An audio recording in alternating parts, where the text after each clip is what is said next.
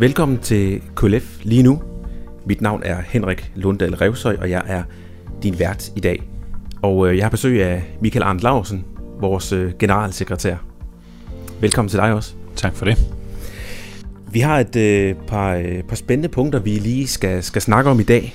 Øh, og det første, vi tager fat i, det er, at der er kommet et, øh, et lovforslag om, at øh, man skal sætte ind øh, i forhold til beskyttelse af børn. Mm-hmm. Kan du ja. prøve at fortælle lidt om det? Jamen det er SF, der er kommet med et forslag om, at de medier, der udbyder indhold til børn i højere grad skal arbejde for, at børn ikke går hen og bliver afhængige af brugen af deres medier. Altså det her med, at spil og sociale medier og apps, som børn bruger i deres hverdag, skaber afhængighed, det, det er man ved at, at se nu er, er et problem. Det er noget, vi har sagt længe, det er noget, vi har gjort opmærksom på flere gange, men det er dejligt, at politikerne nu også ser, at det er nødvendigt at sætte ind. Øh, et af eksemplerne, det er jo for eksempel de her streaks på Snapchat, altså hvor man hver eneste dag skal nå at svare øh, sine venner, for ellers så mister man øh, sådan en sammenhængende række af, af streaks. Og det, det er noget, der skaber afhængighed. Det er der mange fagfolk, der allerede har dokumenteret, øh, psykologer og andre. Øh, så, så det er rigtig dejligt, at der er politikere, der tager det her alvorligt. Ja, det er det helt sikkert. Og vi ser jo også blandt andet på øh, på DR's øh, tv-app, der, øh, der har den også den der funktion med, at øh, næste afsnit automatisk øh, bliver afspillet, hvis man ikke selv stopper den. Lige præcis, og det er noget af det også. Det er, at børn skal beskyttes. Børn har ikke selv øh, altid muligheden eller evnen til at, at sige fra, og når, når, når alle de her automatikker, de bare kører, jamen så låser det også børnenes opmærksomhed. Det fanger dem simpelthen foran skærmen i uhensigtsmæssig lang tid. Mm. Og det, det skal vi have sat ind over for.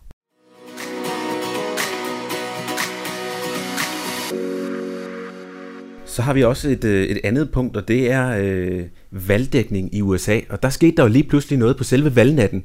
Øh, Michael, kan du ikke fortælle lidt om, hvad, hvad det var dig og vores redaktør Stefan øh, havde gang i? Jo, men det er sådan set Stefan, der kom med et meget spontant forslag øh, ret sent øh, her forleden tirsdag. Han sagde, jamen, skal vi ikke prøve hver time at lave en lille video, og så øh, fortælle lidt om, hvordan vi ser øh, de store medier dække valget.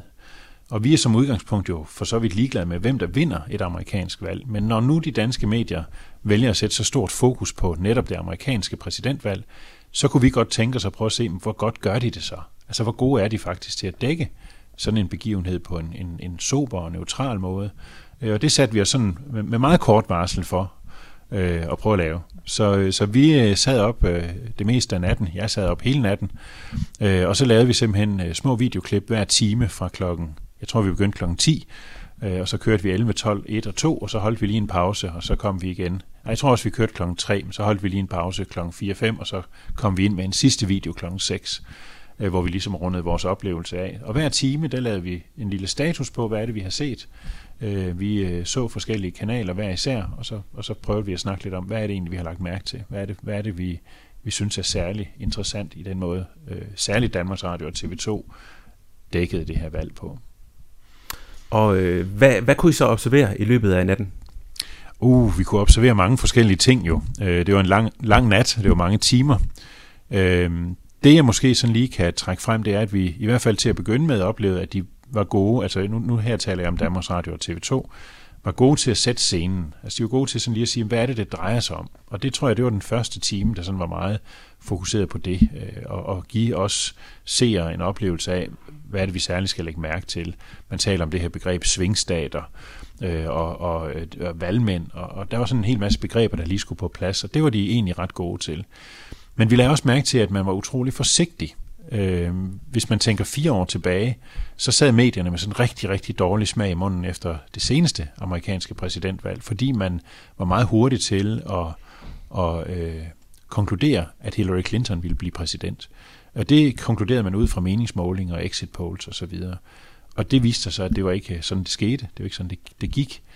Og der oplevede vi nok lidt, at man nu, fire år senere, sidder stadigvæk med en eller anden form for, for granatschok øh, fra den gang. Man turde næsten ikke sige noget som helst om, hvordan det gik. Og det var for mig det gode.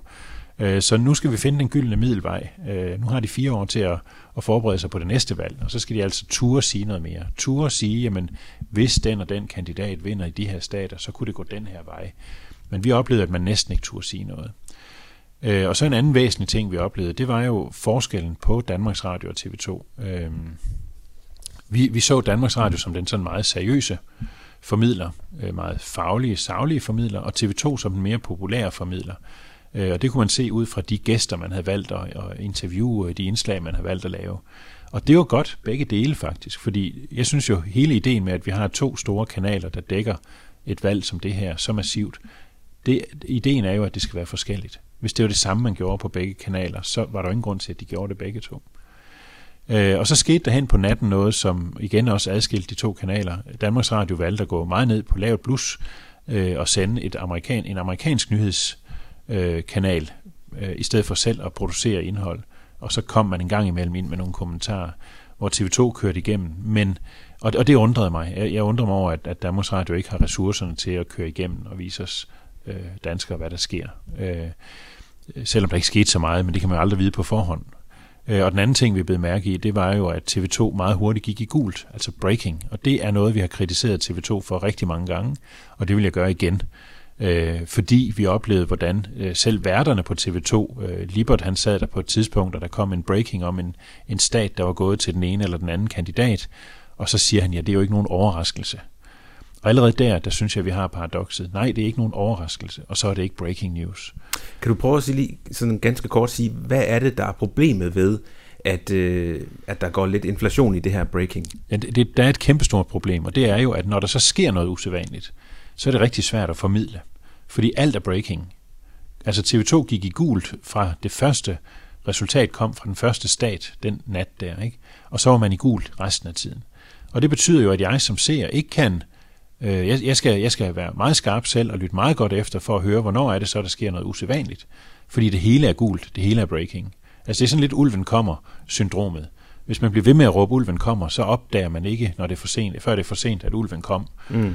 Øh, og det synes jeg er et problem, og jeg synes, det er useriøst simpelthen. Og jeg synes, TV2 igen, igen, igen burde overveje, hvordan de arbejder med det her begreb breaking news. Fordi news, altså nyheder, er også godt nok breaking news, det er når noget overrasker os. Det er når noget øh, kommer uventet. Øh, så almindelige nyheder, det er bare almindelige nyheder, og de er også gode nok. Det er som om, at de ikke er fine nok for TV2. Breaking news, det er de fine nyheder, ikke? Øh, og, og sådan synes jeg ikke, det bør være. Der kunne de lære noget af Danmarks Radio.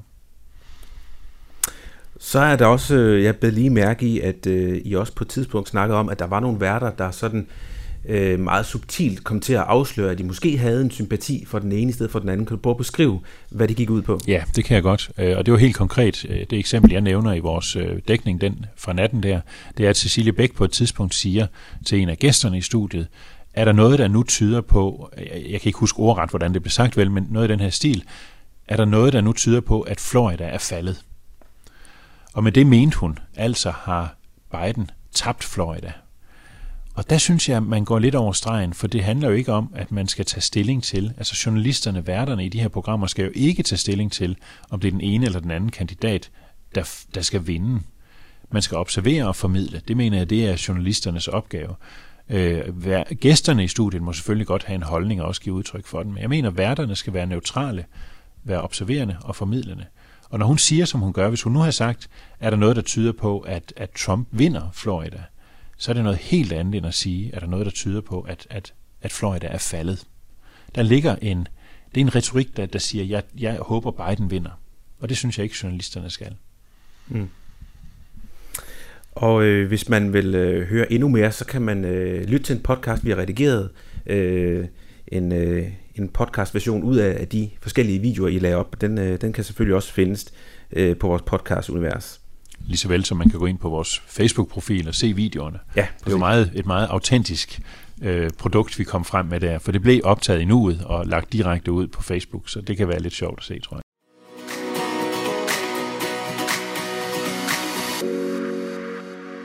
Så øh, sker der også noget nyt inden for mediemode. Hvad er det, der sker der? Vi har valgt øh, at ansætte en, det vi kalder en mødebooker, øh, og det lyder måske sådan lidt øh, formelt, men det handler om, at vi har et rigtig godt tilbud til folkekirker og kirker i det hele taget, men, men særligt folkekirkerne, fordi vi har lavet en version af vores mediemod foredrag, som henvender sig til konfirmander.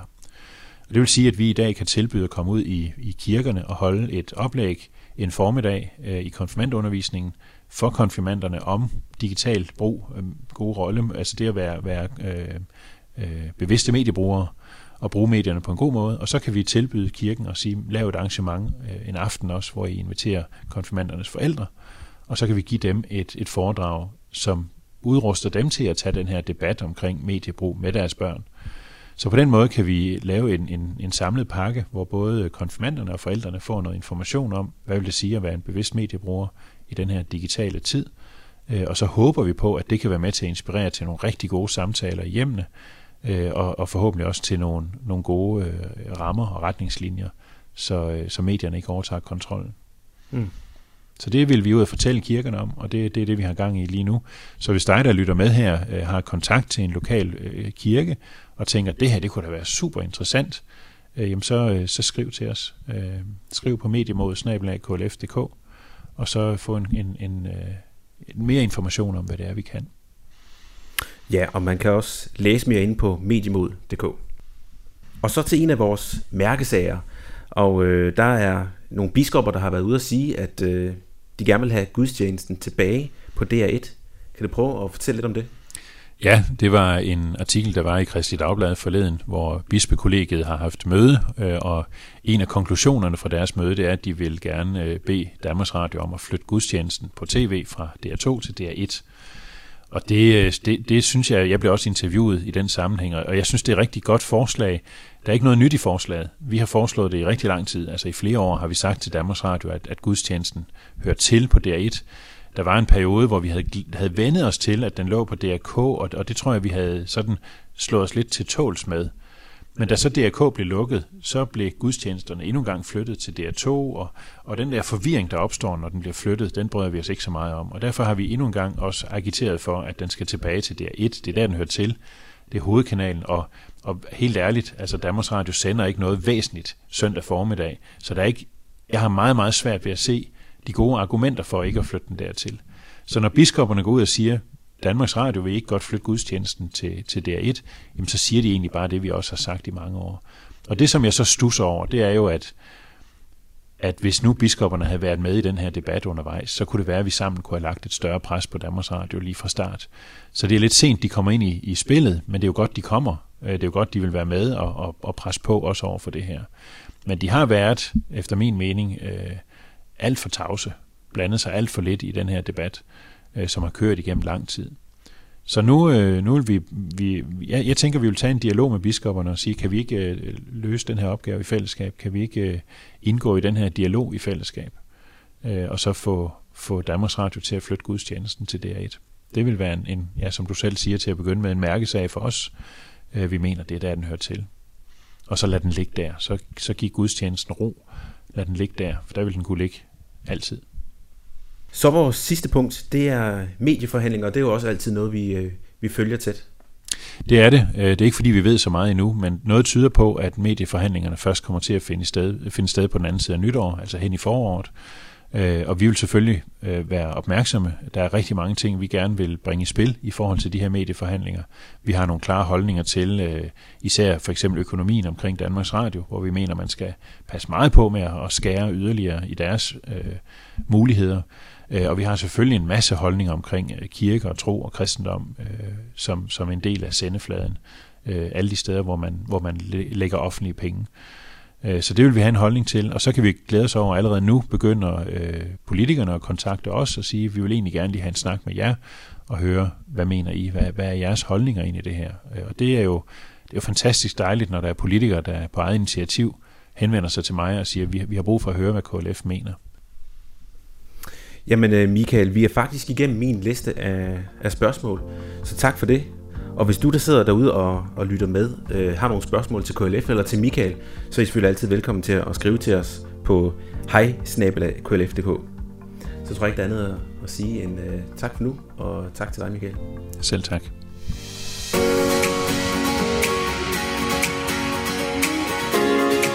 Lyt til flere podcasts fra KLF på lytklf.dk.